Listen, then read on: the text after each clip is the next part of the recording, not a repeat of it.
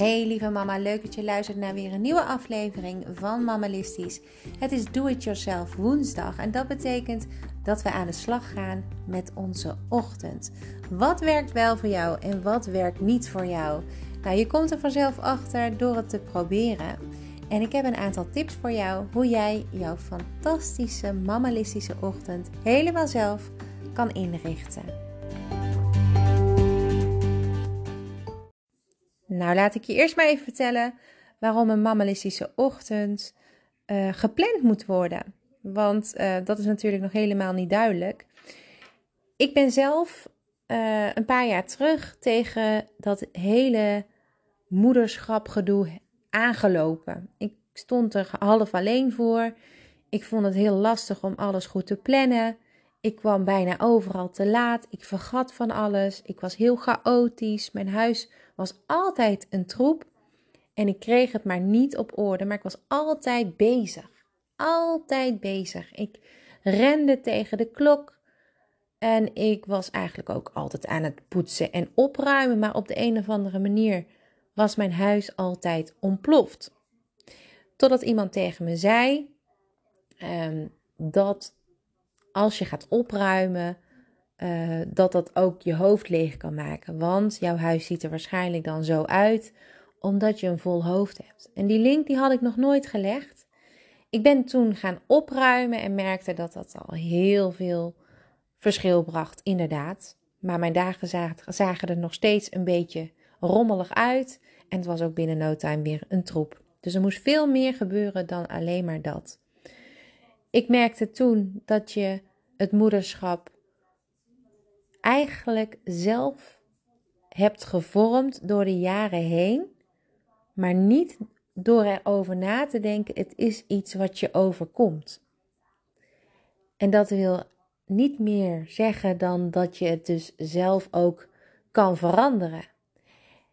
En toen ik dat een beetje door begon te krijgen, en misschien klinkt het voor jou als iets van, oh ja, maar dat wist ik al lang, maar ik had nooit over het hele moederschap idee nagedacht. Wel over opvoeding, hoe ik dat wilde doen, wat ik wil meegeven, wat ik niet wil meegeven.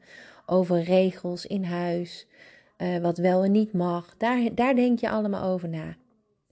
Maar hoe jij jouw moederschap beleeft, dat is iets wat ontstaat. En pas als je het doet en als je een moeder bent, begrijp je dat je dus uiteindelijk dat ook weer kan uitdenken.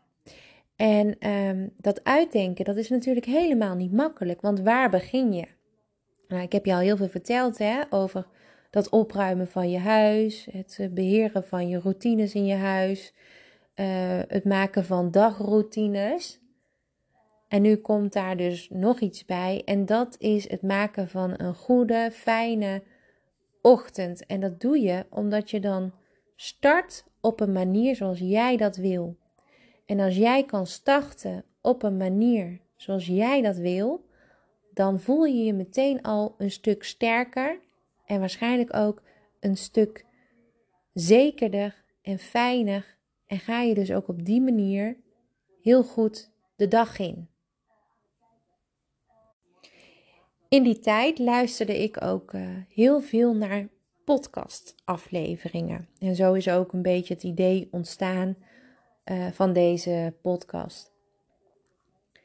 En ik weet nog dat er een, uh, een mama vertelde over Miracle Morning. En oh, ik ben het aan het proberen. En het, ik vind het heel leuk om te doen. En het werkt alleen niet.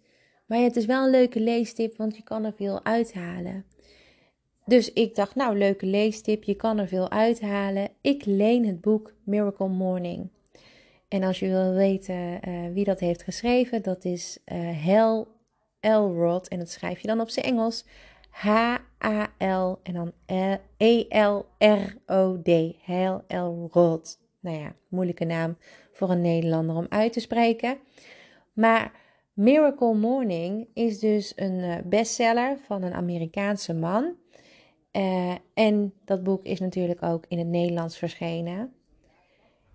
En het gaat er eigenlijk om dat je een soort van ochtendroutine gaat maken. En in dit boek vertelt de schrijver hoe hij zijn ochtend heeft ingedeeld en wat voor hem werkt. Hij noemt het ook een bepaalde methode en daar moet je dus bepaalde dingen in doen. En dat is uh, bewegen, mediteren, uh, schrijven en um, nou ja, nog iets lezen. Ja, lezen. Bewegen, mediteren, schrijven en lezen. En dat zijn hele mooie pijlers natuurlijk om in te zetten. Maar als moeder werkt dat inderdaad niet altijd. De ene keer wel, de andere keer niet. Dus toen ik daarover na begon te denken, toen dacht ik, nou, een mama die zeurt altijd om het feit dat je geen tijd hebt voor jezelf. Dat deed ik zelf ook. Er bestaan ook, ik weet niet hoeveel plaatjes met teksten waarop staat: uh, uh, zit ik eindelijk op de wc, komt er weer een kind voor me? Of uh, dat je nooit kan douchen zonder dat er een kind weer voor je neus staat. Herken ik absoluut. Dus toen ik die ochtend voor mezelf ging claimen en een uur eerder ging opstaan, was het eerste wat ik merkte: oh wauw, ik heb gewoon tijd om mijn benen fatsoenlijk te scheren, bijvoorbeeld. Dus dat werd een soort van dingetje in de ochtend. Scheerde ik mijn benen, waste ik mijn haren, ik feunde het zelfs, deed make-up op. Dus mensen om mij heen begonnen ineens in de ochtend te zeggen: hey, wat zie je er goed uit?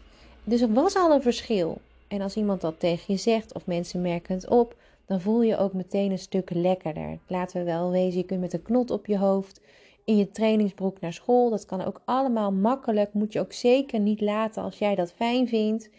Maar ik vind het prettiger als ik gewoon een beetje leuk aangekleed ergens naartoe kan gaan. Als je dat al kan bereiken, kun je dus veel meer bereiken.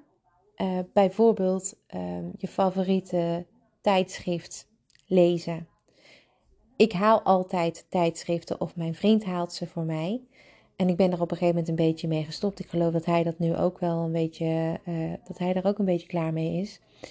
Maar ik weet gewoon, als ik het me niet voorneem, dan kan ik zo'n hele tijdschriftenbundel echt wekenlang op tafel hebben liggen zonder dat ik daar iets mee heb gedaan. Nou ligt het dan niet op tafel, maar het is even voor het idee.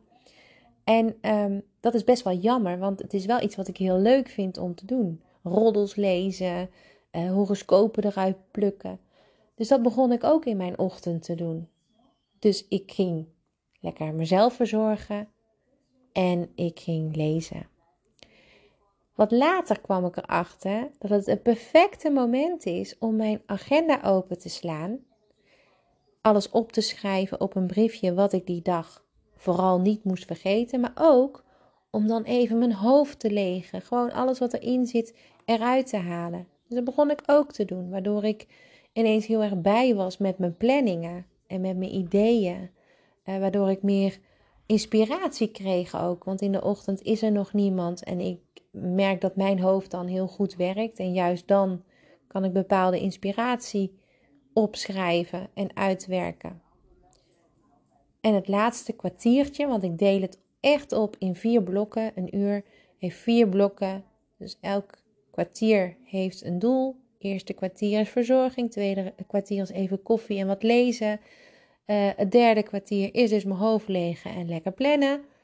En het vierde kwartier pak ik dan om de tafel te dekken.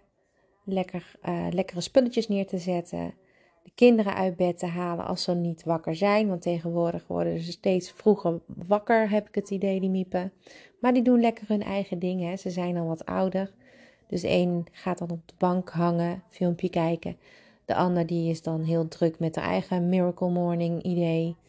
En dat werkt gewoon. Dan gaan we met z'n allen ontbijten. Ik help de jongsten met aankleden. Uh, we gaan lekker um, uh, gezellig nog wat vertellen tegen elkaar of muziekje aanzetten. En voor je het weet gaan ze naar school en heb je eigenlijk een fantastische ochtend beleefd. Echt eentje die dan iedereen goed heeft gedaan. Dus een heel andere manier dan om half acht uh, of om zeven uur met z'n allen opstaan. Iedereen moet douchen, iedereen moet van alles, iedereen moet eten, jij moet van alles regelen. Dat is een heel ander idee. Dus als je zorgt dat je eerst voor jezelf zorgt, dan pas kun je voor een ander zorgen. Nou, maak voor jezelf vandaag, en dat is echt een tip, doe het ook. Maak voor jezelf eens zo'n uur rond, hè, dus die vier blokken.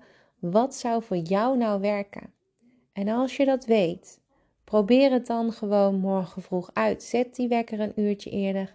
Probeer eruit te gaan. Je kunt ook, als je uh, een wekker instelt, kun je ook kiezen uh, om bijvoorbeeld een reminder erin te zetten. Hè? Waarvoor is die wekker bedoeld?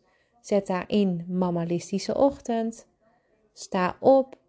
Je kunt oortjes indoen, een fijn muziekje luisteren als je dat fijn vindt. Maar je kunt ook een uh, ochtendmeditatie opzetten. Ik vind dat zelf soms heel erg fijn. Dan zegt iemand gewoon open je ogen en ga rechtop in bed zitten. Misschien is dat ook iets voor jou. Doe dat dan ook gewoon. En dan merk je dat je eruit bent. En start dan die ochtend op met je vier blokken.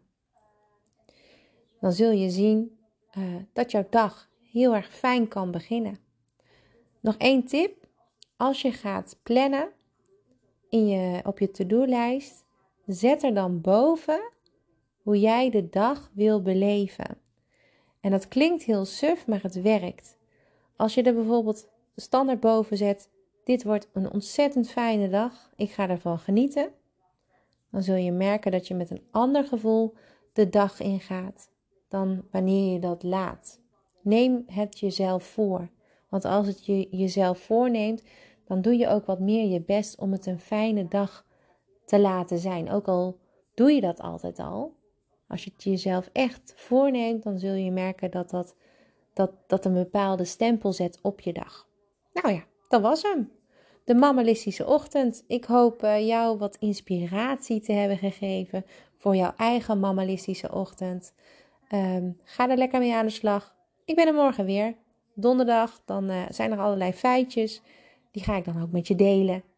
Dus ik hoop dat je morgen weer luistert. Tot dan. Doeg!